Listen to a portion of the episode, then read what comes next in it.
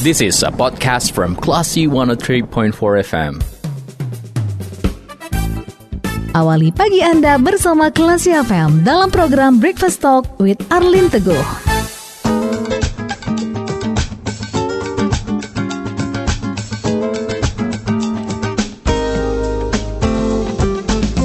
Dari Bumi Karangputih Darung Padang, 103.4 Kelas FM, this is the actual radio. Assalamualaikum, apa kabar Classy People? Di hari Senin, seperti biasa, jam 7 hingga ke jam 8, Anda akan bersama saya, Lia Priyanka, dalam program Breakfast Talk with Arlin Teguh. Dan tentu saja, saya nggak sendirian dong, namanya juga program Breakfast Talk with Arlin Teguh.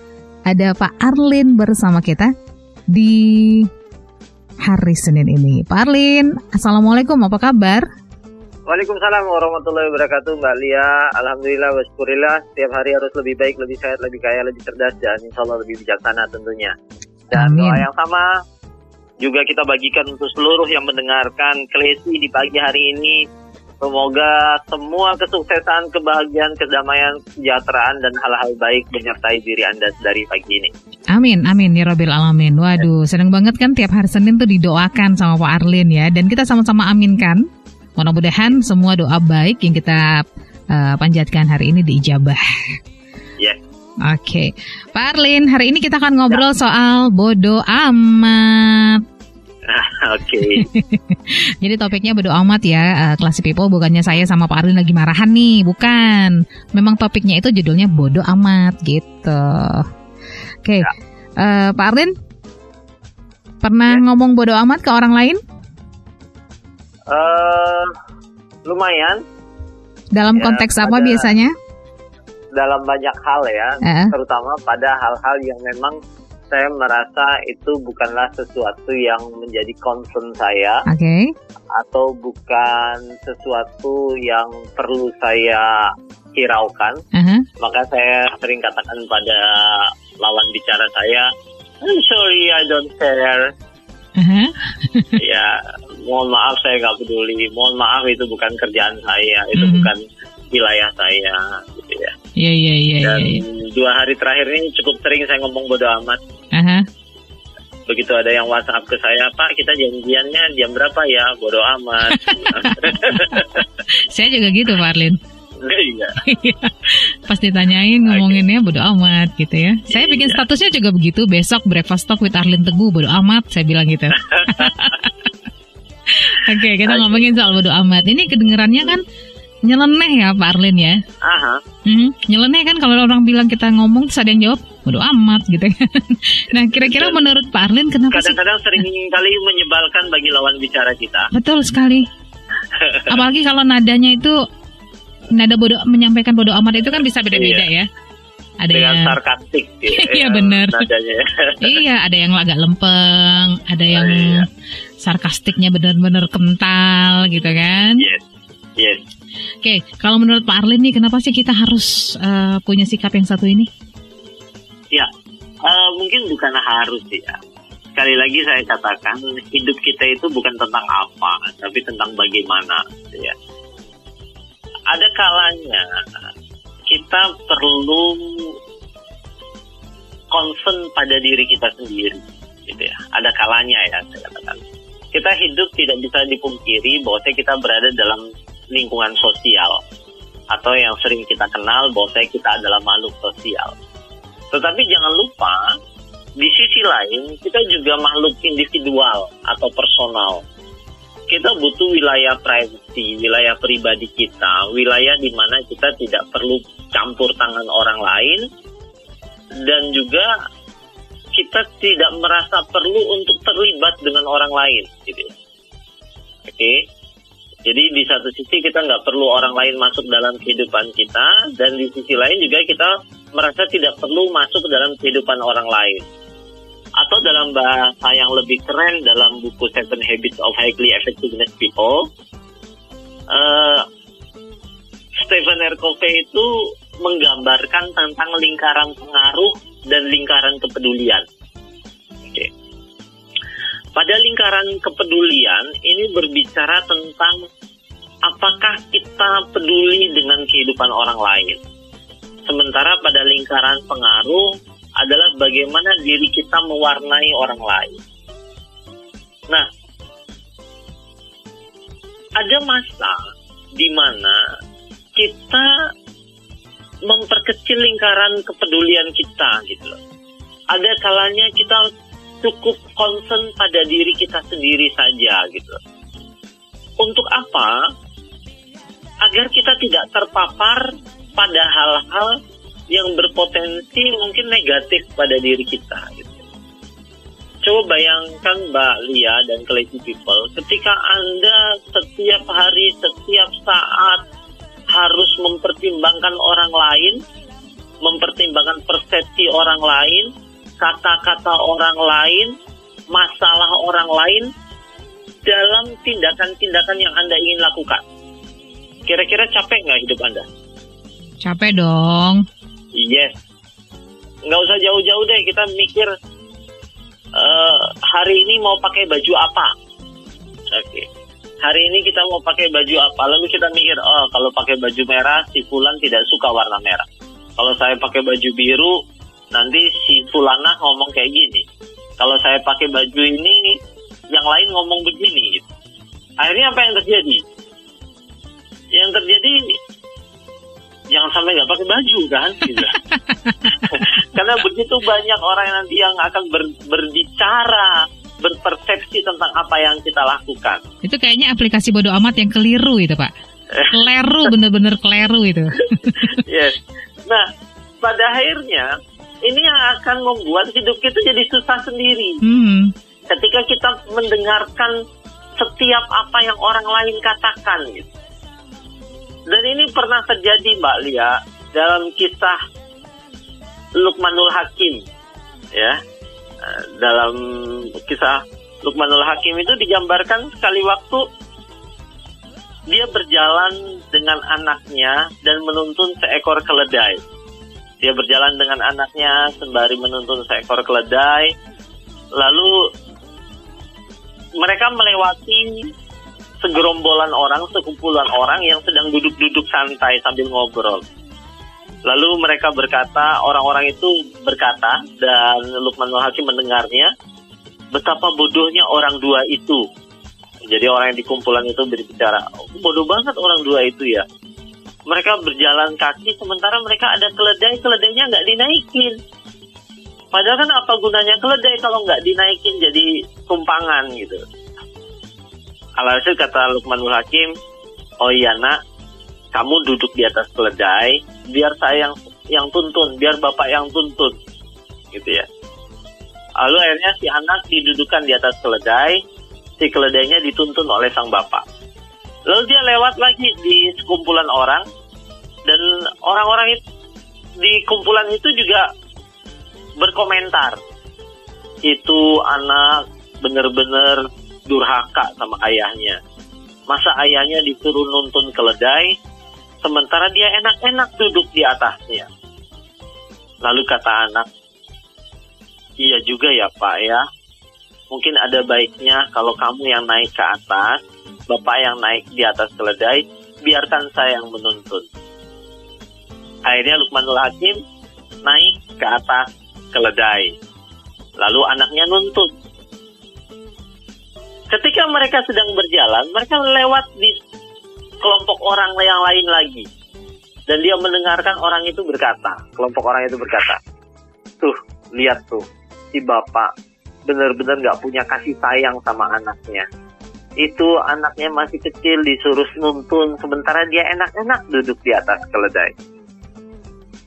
Oh iya juga kata Lukmanul Hakim akhirnya anakku ayo naik ke atas di uh, keledai ini kita berdua di atas Ketika dia lewat lagi di sekumpulan orang dan orang-orang itu berkata lagi, ini yang orang dua ini nggak punya peri kebinatangan kayaknya. Keledai kecil kok ya dinaikin berdua gitu ya. Nah, apa yang kita dapatkan gambaran Mbak Lia dan Crazy People? Betapa setiap orang akan punya persepsi pada setiap apa yang kita lakukan. Nah, ketika kita terlalu peduli pada persepsi semua orang yang terjadi akhirnya kita tidak punya kepastian dalam bertindak. Kita tidak tahu nilai tindakan kita itu benar-benar sesuatu yang benar atau sesuatu yang uh, salah gitu. Apa dampak berikutnya? Dampak berikutnya kita tidak tahu harus bertindak apa. Ketika kita tidak tahu bertindak apa, kita kehilangan kebahagiaan kita, kita kehilangan diri kita gitu. Oleh karena itu, ada kalanya kita perlu dengan baik menyaring persepsi-persepsi yang ada di sekeliling kita, di sekeliling lingkungan kita. Ketika persepsi-persepsi itu produktif dan positif, maka mungkin itu persepsi yang perlu kita terima. Tetapi ketika persepsinya tidak produktif atau bahkan cenderung negatif, maka ini waktunya kita berkata bodoh amat. Itu dia Mbak Lia. Oke, jadi poinnya kita tidak akan pernah bisa memuaskan semua orang ya. Yes.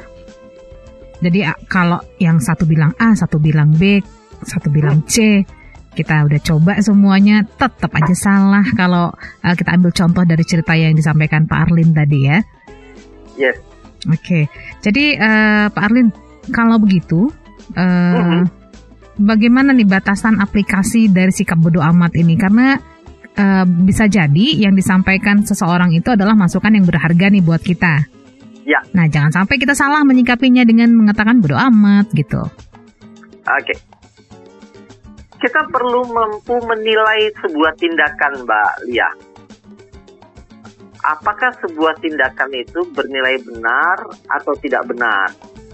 ya apa ukuran sesuatu itu dikatakan benar nah kebenaran itu sendiri ternyata juga punya kelompok-kelompoknya Mbak Lia ada kelompok pertama kita sebut sebagai kebenaran individual yang tahu benar atau salahnya adalah kita yang kedua yang kita sebut dengan kebenaran sosial di mana ukuran benar atau salah mengikuti ukuran benar atau salah pada sebuah lingkungan sosial.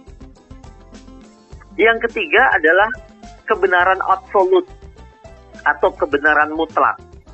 Nah, hal ini biasanya berkaitan dengan sistem nilai yang terpatri di dalam diri kita sebagai anugerah ilahiyah di dalam diri kita. Setiap kita bisa menilai hal itu. Nah, ketika sebuah kebenaran yang kita yakini,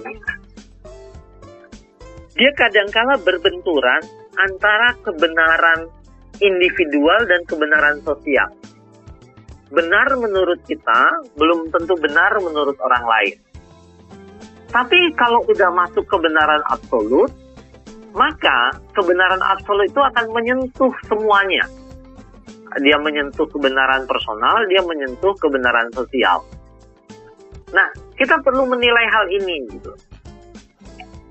Selagi Anda memiliki keyakinan bahwa tindakan Anda adalah tindakan yang benar dan dia tidak menyalahi kebenaran absolut, maka Anda berhak untuk tetap berjalan, tetap bertindak.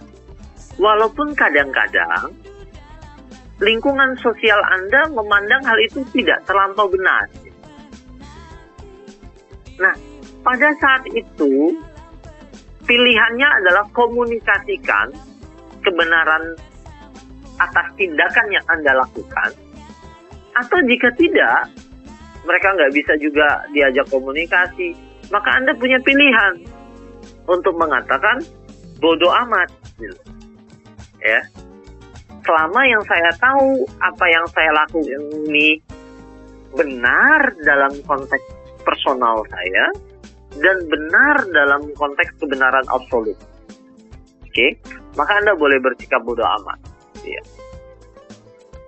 Lalu Anda akan lihat nanti, apakah kebenaran sosial dan kebenaran absolut nilainya lebih tinggi. Oke, okay? kalau misalnya kebenaran sosial dan kebenaran absolutnya nilainya lebih tinggi daripada kebenaran personal Anda, maka ini adalah ruang di mana Anda perlu memperbesar lingkaran kepedulian Anda. ya. Jadi di sini Anda nggak bisa bersikap bodoh amat. Maka kemampuan untuk bersikap bodoh amat, dia perlu juga dibarengi dengan kemampuan untuk menilai tindakan. Apakah dengan bersikap bodoh amat ini adalah tindakan yang benar atau tidak? Oke ya. Nah, ini yang saya katakan, ruang bodoh amat, ya, ruang bodoh amat itu ruang personal, Mbak Lia. Ruang di mana kita menutup diri kita dari lingkungan sosial kita. Ruang bodoh amat itu adalah ruang di mana kita memperkecil lingkaran kepedulian kita pada lingkungan sosial kita dan berpusat pada diri kita secara personal.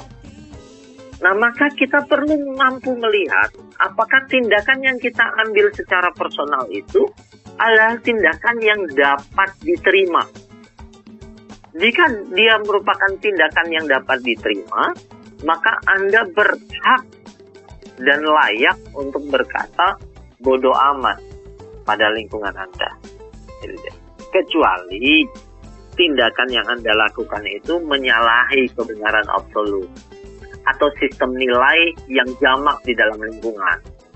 Misal, kalau ada orang hari ini dia berkata, saya punya hak pada hidup saya, saya punya hak azazi atas pakaian yang saya gunakan, lalu dia pakai bikini di Pantai Padang. Kira-kira bodoh boleh nggak kalau dia ngomong bodoh amat? Kayaknya langsung dikasih sarung sama masyarakat setempat, Pak. Oke. Di satu sisi mungkin dia dia punya hak untuk berkata bodoh amat badan-badan saya gitu kan. Mau orang lihat mau orang nggak lihat juga suka-suka saya dan saya mah nggak peduli dengan hal itu semua. Dia boleh ngomong kayak gitu, tetapi itu bertentangan dengan norma sosial.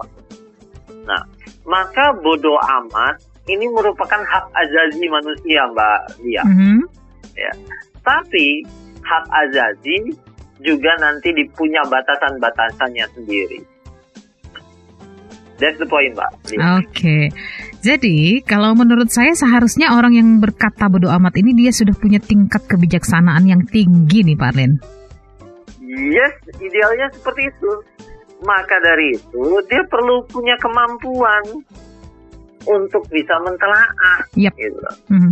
Ya, maka eh, akan ada sebuah buku yang cukup terkenal, Mbak Lia, Mhm. yang berbicara tentang eh, bagaimana bersikap bodoh amat.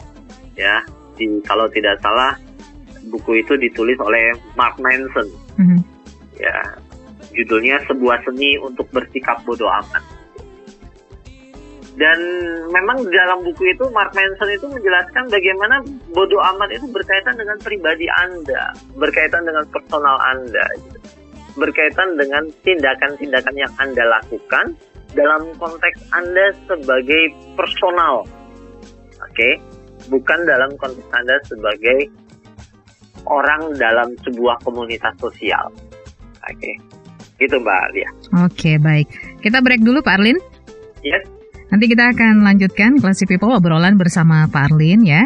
Uh, masih ngomongin soal bodoh amat. Nah, seperti apa lagi uh, penjelasannya, seperti apa lagi aplikasinya yang tepat untuk kita lakukan? Tunggu, jangan ke mana-mana. Sesi kedua Breakfast Talk with Arlin Teguh akan segera kembali untuk Anda. This is a podcast from Classy 103.4 FM.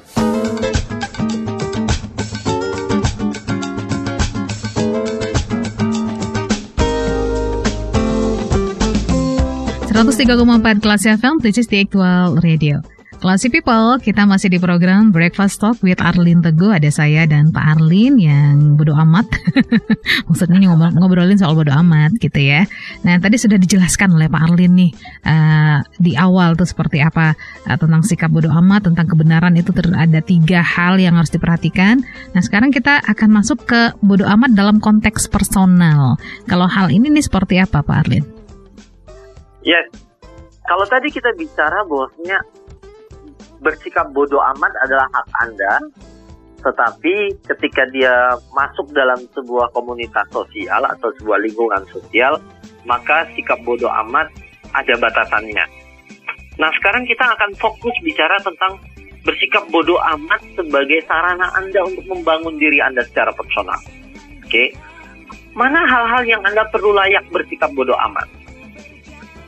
Ingat, interaksi kita dengan lingkungan setiap hari itu mempengaruhi dan dipengaruhi. Gitu ya. Lingkungan kita setiap hari berupaya untuk mempengaruhi, mempengaruhi kita, dan begitu juga setiap hari kita berupaya untuk mempengaruhi lingkungan kita. Nah, dalam proses saling mempengaruhi ini, nanti kita akan terwarnai oleh lingkungan kita.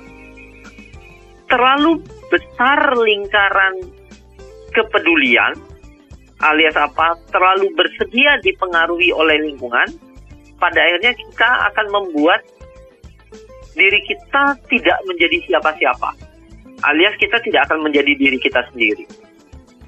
Bahkan yang celakanya lagi kita nggak punya warna, kita nggak punya ciri. Oke, okay? nah dalam hal inilah Anda perlu untuk mampu bersikap bodoh amat pada pengaruh-pengaruh dari luar yang tidak produktif untuk diri Anda, untuk konsep yang Anda bangun pada diri Anda.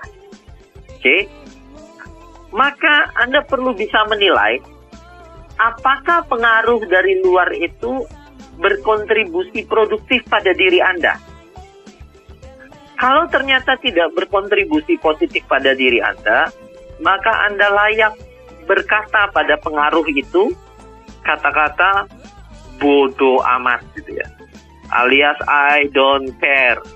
Ya, kata-kata yang menjatuhkan, mengecilkan, membuat Anda kerdil, maka Anda boleh katakan bodoh amat. Kenapa? Karena itu bagian dari kata-kata yang layak untuk tidak dipedulikan. Oke. Maka Anda perlu belajar untuk peduli hanya pada sesuatu yang sangat berharga untuk diri Anda, untuk hidup Anda untuk kesuksesan Anda, untuk capaian-capaian Anda. Oke. Okay. Dia untuk hal-hal yang penting. Apa itu? Misalnya orang-orang terdekat Anda, keluarga Anda, target-target Anda. Oke. Okay. Jadi dalam konteks ini bukan berarti kita tidak peduli sama sekali sebetulnya. Tetapi lebih fokus pada hal-hal yang menjadi prioritas dalam hidup Anda. Begitu hal tersebut tidak menjadi bagian dalam prioritas hidup Anda, maka Anda layak untuk mengatakan bodoh amat. Oke. Okay? Nah, bagian kedua. Dalam interaksi sosial, dalam interaksi sosial, kita tidak harus selamanya berkata ya pada setiap apa yang ditawarkan atau yang diminta oleh lingkungan kepada kita. Ya. Saya pernah punya teman nih Mbak Lia. Dia tidak pernah bisa berkata tidak pada lingkungan. Alhasil apa yang terjadi? Dia kesulitan sendiri untuk mengatur hidupnya karena semua orang dia mau iakan semua. Ya ada orang datang ke dia ngomongin eh nanti ya temenin aku ya eh, jalan-jalan ke mall. Ya. Lalu ada lagi yang berkata eh nanti temenin aku bikin ini dong. Diiakan juga. Berarti ini Lalu people pleaser ya? sendiri. gimana mbak Lia? berarti ini people pleaser? Yes. Dia berupaya menyenangkan semua orang dan ketika dia menyenangkan semua orang dia dapat kesulitan sendiri mm -hmm. atau dia malah mengorbankan dirinya sendiri mm -hmm.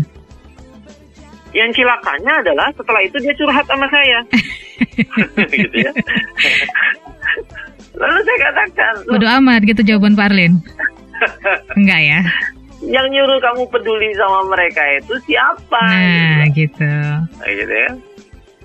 Iya, saya kan nggak enak kalau berkata tidak. Apakah kamu wajib berkata iya?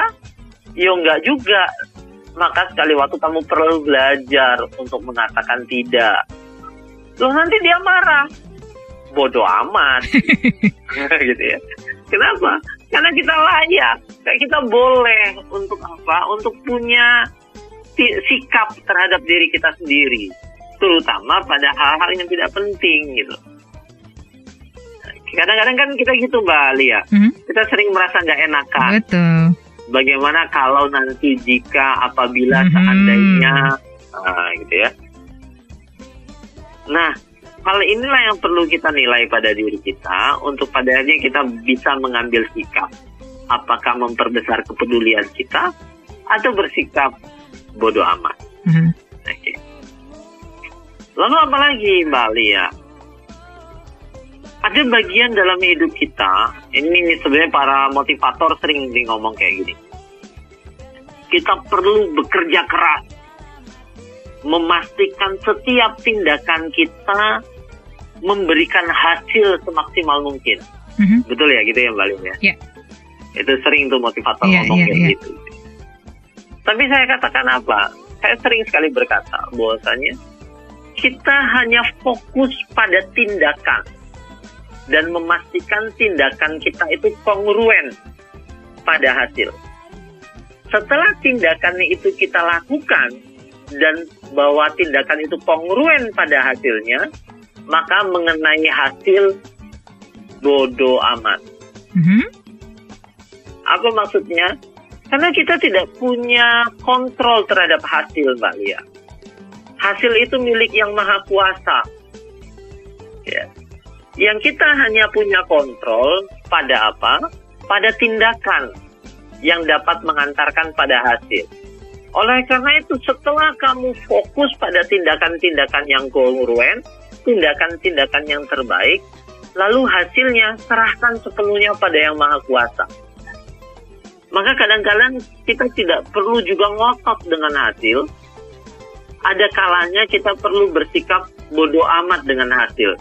Yang penting saya sudah berusaha semaksimal mungkin. Nah ini tiga hal yang mungkin bisa menjadi pertimbangan Anda dalam bersikap bodoh amat. Oke, kalau ada yang mengatakan yang lagi denger nih, misalnya bilang, wah kalau gitu nggak ada raso pareso, nggak ada awah pakawah dong, kata itu gimana Pak Arlin? Oke, good.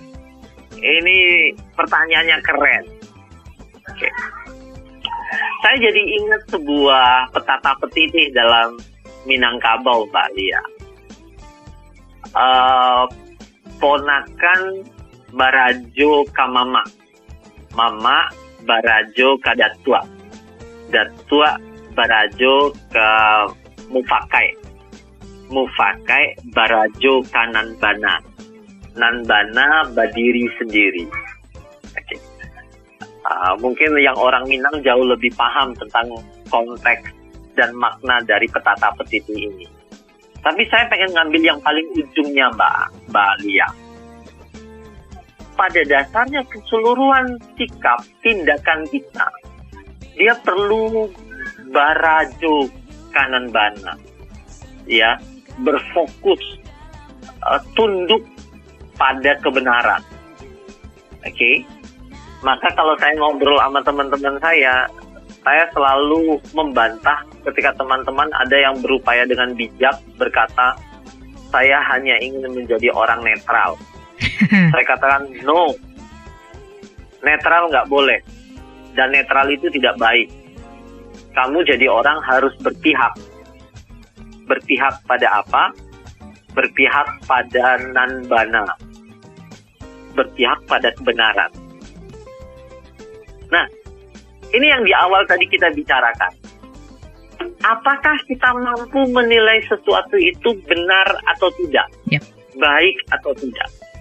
Ketika kita sudah memastikan bahwa yang kita lakukan ini benar dan ini baik, maka kita boleh bersikap bodoh amat setelahnya. Oke ya. Ini tentang tindakan. Apa yang saya lakukan benar. Apa yang saya lakukan baik. Mungkin lingkungan sosial tidak akan terima. Tapi ini tidak menyalahi aturan. Maka Anda boleh untuk bertindak sebagaimana yang telah Anda tetapkan. Lalu bodoh amat dengan apa-apa yang ada di lingkungan Anda. Boleh. Tetapi jika yang Anda lakukan hanya benar menurut Anda, sementara dalam konteks kebenaran absolut itu adalah sesuatu yang diragukan kebenarannya dalam konteks kebenaran sosial, lingkungan sosial Anda juga tidak dapat diterima. Maka mungkin pada saat ini Anda perlu mentelaah diri Anda dan Anda tidak layak mengatakan bodoh amat. Oke. Maka ini kembali kepada yang pertama tadi Mbak Lia. Mhm. Bahwasanya kita baru bisa bersikap bodoh amat ketika Anda telah mampu menilai tindakan dengan kebijaksanaan. Gitu Mbak Lia. Oke, baik Pak Arlin. Kita beri kembali Pak Arlin. Siap. Nanti kita akan lanjutkan obrolan tentang bodoh amat ini, Classy People, di sesi ketiga ya. Tetap di Breakfast Talk with Arlin Teguh. This is a podcast from Classy 103.4 FM.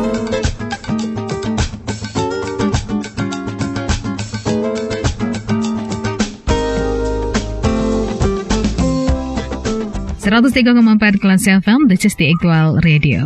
Kembali di Breakfast Talk with Arlin Teguh di sesi terakhir untuk hari ini, Classy People. Kita berbicara mengenai bodoh amat. Mudah-mudahan dari dua sesi sebelumnya yang sudah dijabarkan dengan sangat luar biasa oleh Pak Arlin, bisa membuka pikiran kita nih. Kapan kita harus bersikap bodoh amat dan uh, kapan harus bersikap sebaliknya. Pak Arlin, um, gimana kesimpulannya agar sikap bodoh amat ini bisa menjadi penentu kesuksesan kita dan bukan sebaliknya menjadi bumerang untuk kita? Ya, ketika kita bersikap bodoh amat, sekali lagi saya tekankan, sebetulnya pada saat itu kita tengah menggunakan ego personal kita. Dalam artian kita tidak memperbesar lingkaran kepedulian kita. Kita hanya berfokus pada diri kita sebagai personal. Nah, ketika fokus pada diri kita sebagai personal, tetap kita tidak bisa lepas bahwa kita bagian dari lingkungan. Oleh karena itu penting bagi kita untuk menilai apakah tindakan kita yang bodoh amat ini dapat dibenarkan. Ya, terutama dalam konteks kebenaran absolut. Oke. Okay?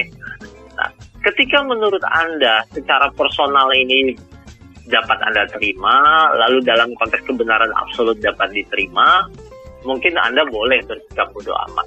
Karena ketika bicara kebenaran sosial, maka berbeda lingkungan sosial bisa jadi berbeda nilai kebenaran. Nah, oleh karena itu kemampuan Anda menilai teman-teman semuanya, menilai tindakan, apakah tindakan Anda tindakan yang bijak, ini penting untuk mampu bersikap bodoh amat. Oke. Lalu fungsi utama sikap bodoh amat itu sebetulnya untuk membangun jati diri kita, membangun kebahagiaan kita, membentuk diri kita yang utuh sebagaimana seharusnya diri kita.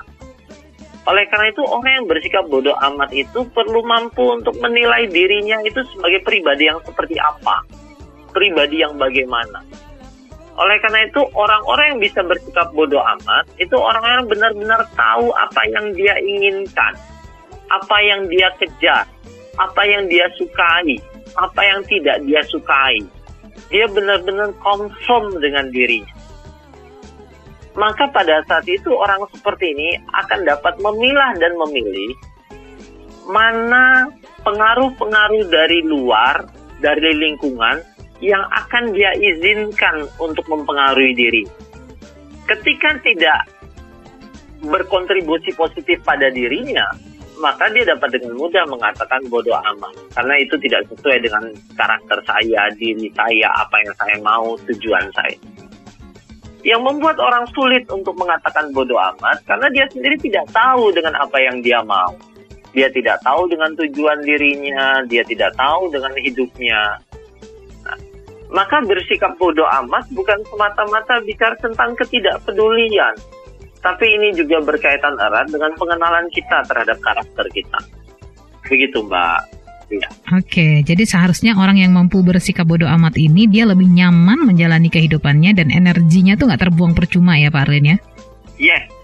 Oke, baiklah kalau begitu mudah-mudahan kita bisa lebih nyaman dengan kehidupan kita. Kita tahu pasti apa yang kita inginkan untuk hidup kita sehingga kita bisa bersikap bodoh amat untuk hal yang tepat untuk konteks yang sesuai.